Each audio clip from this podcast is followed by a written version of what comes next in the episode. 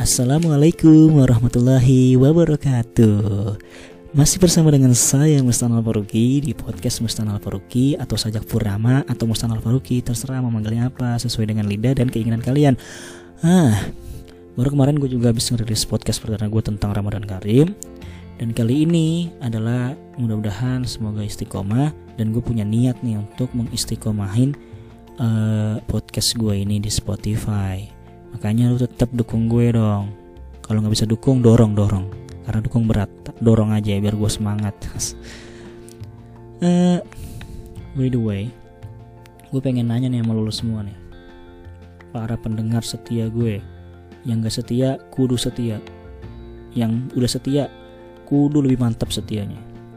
Pernah nggak lu terbesit dalam diri lu untuk melakukan hal-hal baik atau hal-hal buruk buluk hal-hal buruk. Buluk sih itu mah lu eh gue aja deh.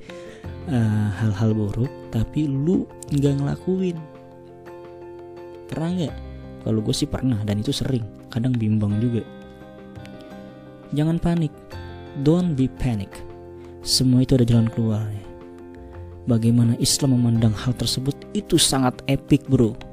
Nanti gue akan jelasin panjang lebarnya. Setelah ini setelah gue ngedobos sebentar dulu sebagai pembukaan. Ya gue harap kalian yang di rumah di Indonesia atau di Turki sehat-sehat aja. Nggak ada yang ngedon atau ngedrop gara-gara puasanya. Semoga lancar ya puasanya. Amin amin ya robbal alamin. Uh, tadi kita lanjutin tadi. Kita juga pasti ya lu sebagai manusia dan gue sebagai manusia juga kita sama-sama manusia berarti kita adalah manusia manusia uh, punya niat untuk melakukan hal baik tapi kita nggak pernah atau susah untuk melakukan hal tersebut atau sebaliknya. Itu ya. Lu jangan panik. Lu kayak gitu udah dianggap bagus udah dianggap baik. Karena apa? Ada hadisnya kayak gitu. Hadisnya apa? Ntar habis ini kepo kan lo? Ntar habis ini gue jelasin. Nah model lu geremang dalam hati, kepikiran dalam hati, ternyata di dalam kaidah usuliyah, eh kaidah usuliyah di dalam kaidah fikih itu dijelaskan ternyata itu ada lima ada lima fase dalam satu dalam niat. Fase pertama itu hajis. Apa ya hajis itu bahasa Indonesia-nya gue juga nggak tahu. Yang itu awal mula lu mengeluarkan pikiran atau terbenak eh, dalam diri lu dari hati atau dari pikiran. Yang kedua adalah khotir. Khotir ini satu level di atasnya hajis tadi. Ya, idea runs through the mind, gitu kan. Wih, ngeren banget di idea runs through the mind. Jadi dia tuh kalau lu bisa ngelihat balapan antara ide-ide itu kayaknya dari hati dia menuju ke otak itu mereka kenceng gitu kan. Wah, gitu. Habis itu yang ke tiga satu level dua level di atasnya hadis itu adanya hadis nafas nah ini hadis nafas yang sering kita apa namanya yang sering kita rasakan nih. Biasanya lu ngebatin kayak tadi ya lah gue pengen banget nih ngerjain ini nih bisa ke bisa ke gitu. Kan itu namanya hadis nafas apa ya namanya itu the internal waging. Itu of pros and cons. Jadi ada measurement, ada ukuran tolak ukur dalam diri lu untuk membandingkan antara pekerjaan ini baik atau buruk. Nah, itu namanya hadis nafas. Lu ngomong sama diri lu sendiri bukan berarti lu gila ya. Uh, lu ngomong sama diri sendiri oh ini kayaknya uh, dalam hati gue ini kurang baik nih. Oh kalau gue kerjain kayak gitu kayaknya buruk bagi teman-teman gue. Tapi bagi baik bagi gue. Ya nggak boleh gitu. Harus sama-sama mempunyai masalah ya. Nah itu namanya hadis nafas yang satu tingkatnya lagi di atasnya itu adalah alham. Nah alham ini nih hampir mirip dengan yang namanya al-azm. Kalau al-azm itu the intentions become the determination to act. Jadi niat itu menjadi determinan penentu untuk melakukan sesuatu. Ini udah di tingkat paling akhir tingkat kelimanya. Kayak tadi lu kalau misalnya masih ngeremong aduh gua aduh nggak bisa ngelakuin lagi apa yang niat itu masih ham aja itu pasti ham masih alham satu tingkat di bawahnya azam.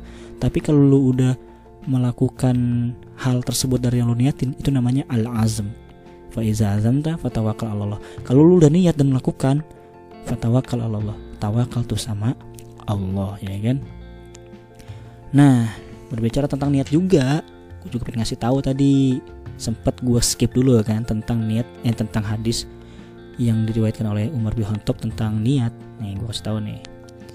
Bismillahirrahmanirrahim ya Innamal a'malu biniyati wa innamal likulli imri'in ma nawa faman kana hijratuhu lillahi wa rasuli fa kanat hijratuhu lillahi wa rasuli faman kanat hijratuhu lidunya yusibuha aw imratin yunkiha fa kanat hijratuhu ila mahajara ilahi.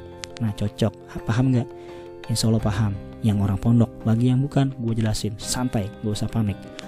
Uh, sesungguhnya setiap setiap pekerjaan itu tergantung pada niat kita masing-masing dan setiap orang itu akan mendapatkan apa yang dia niatkan ya kan? Pastilah. Lu niat baik pasti dapat yang kebaikan. Niat buruk lu dapat buruk juga. Faman kana hijratu lillahi wa rasulih Barang siapa yang hijrahnya untuk Allah dan Rasulnya Maka dia akan mendapatkan apa yang dapatkan. Seperti eh, ya ridho Allah lah gitu ya kan?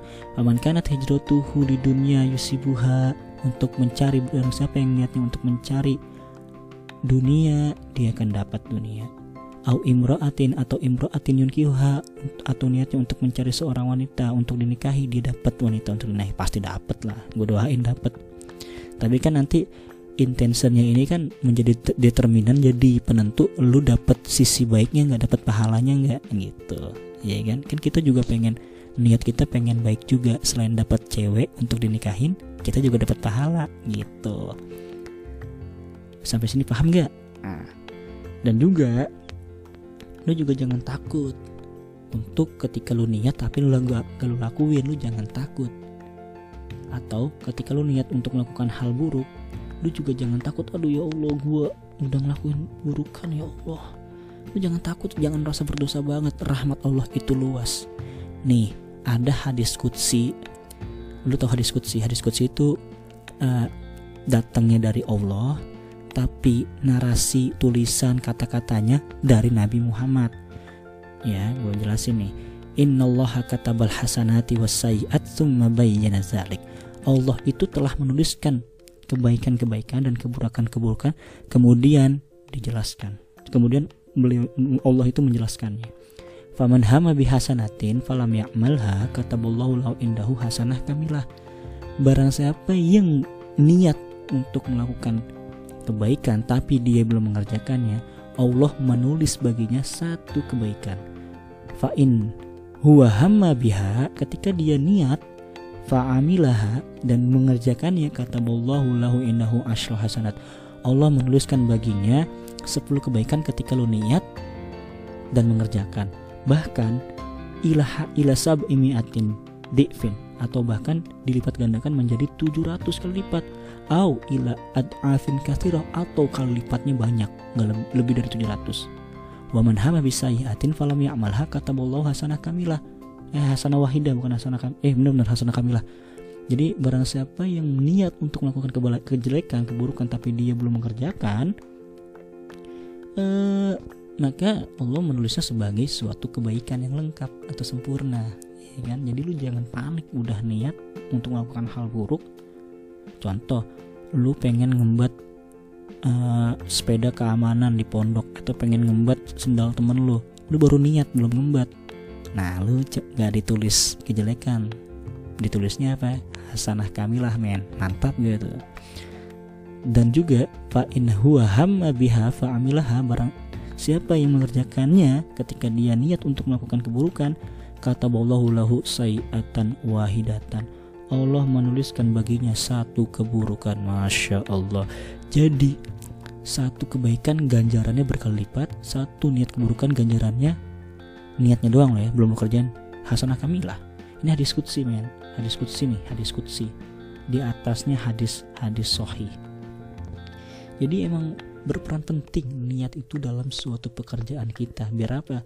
Biar kita itu lebih greget untuk melakukan hal-hal tersebut uh, di sini juga dalam masalah ibadah Imam Syafi'i menegaskan atau merekomendasikan kita untuk melafazkan niat tersebut ketika kita melakukan kebaikan. Eh bukan kebaikan ya ketika ibadah aja ketika mau sholat khususnya di sholat ya. Biasanya kan kalau orang Indonesia tuh soleh fardu wah talafutnya ada ya kan? Ada talafutnya gitu soleh fardu maghrib salah sarakatin ma'muman takbiratin. Lillahi ta'ala. Ya kan? Biasanya gitu kan? Tapi bagi ulama-ulama lain selain Syafi'i itu ya nggak merekomendasikan kecuali Maliki. Imam Malik ini dalam posisi tengah-tengah dia melafatkan itu lebih baik tidak melafatkan juga tidak apa-apa. Dan lu juga jarang menemukan di Turki ini yang ber yang notabene mazhabnya Hanafi. Jarang lu menemukan mereka niat dalam sholat ya jadi udah jelas kan? Jadi lu jangan panik ketika lu udah melaku, niat untuk melakukan kebaikan tapi nggak bisa lu kerjain. Itu udah satu pahala bagi lu. Alhamdulillah.